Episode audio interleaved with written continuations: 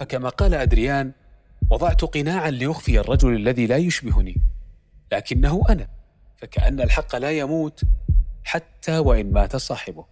كنت أشعر بأنني شخص فاسد في أعماقي منذ فترة طويلة.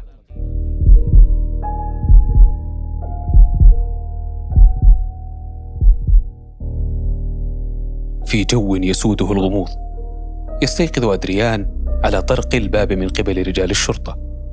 ليبدأ كابوسه المرعب بعدما رأى جثة ملقاة في شقته التي أحكم إغلاقها فيقع أدريان ضحية لا شيء فما هو السبيل لإثبات براءته؟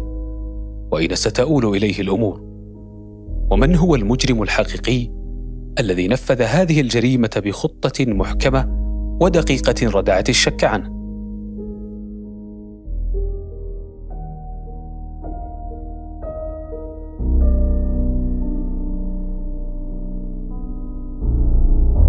تعود الذاكرة إلى أحداث مضت بعد رحلة قضاها أدريان برفقة صديقته لورا. ففي أثناء عبورهما طريق العودة إلى الديار، إذا بغزال يظهر أمامهما فجأة، مما جعلهم ينحرفون عن الطريق بشدة. ومن منطلق هذا الحدث احتدت الأحداث.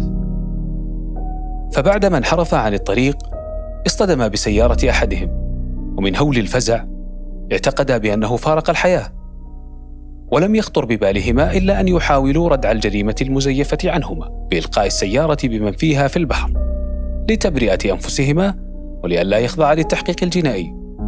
ولكن وبمحض صدفة غير مرغوبة ساقت الأقدار أقدام لورا إلى بيت والد المجني عليه بعد أن تعطلت السيارة بسبب الحادث.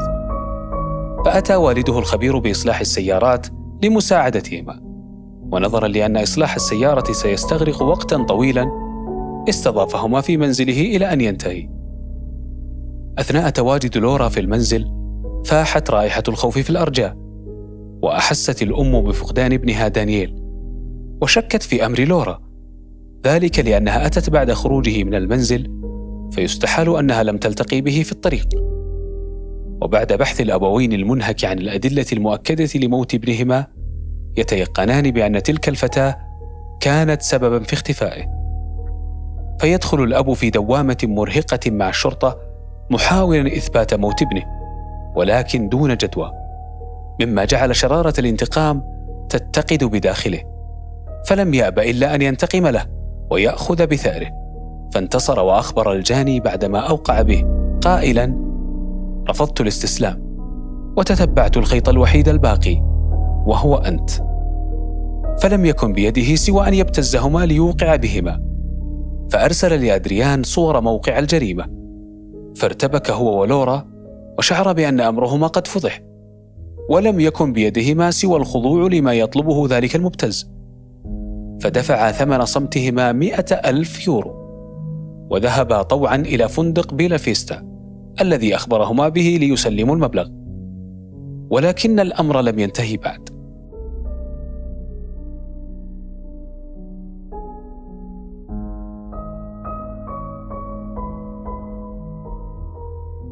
فكما قال أدريان وضعت قناعا ليخفي الرجل الذي لا يشبهني لكنه أنا.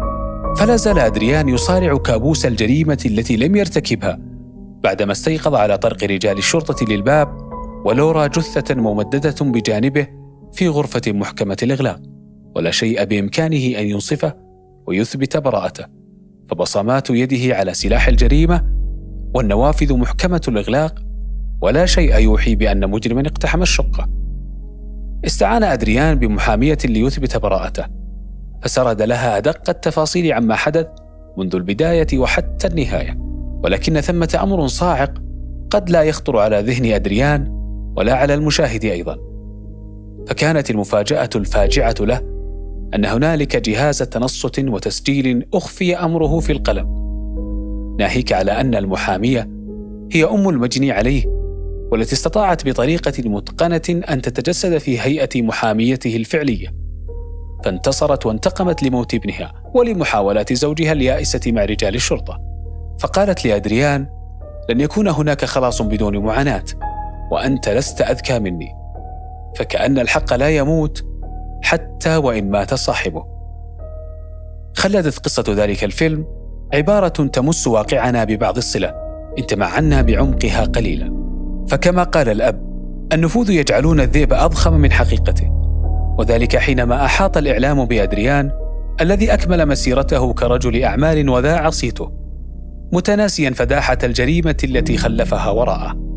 ولكنه في نفس الوقت كان يشعر بتأنيب ضميره فقال اجتاحتني عاصفة إعلامية صوروني كنموذج لأمثالي من الشباب الناجحين الذين صنعوا أنفسهم بأنفسهم. لكنها كانت مجرد تمثيلية. كنت أشعر بأنني شخص فاسد في أعماقي منذ فترة طويلة.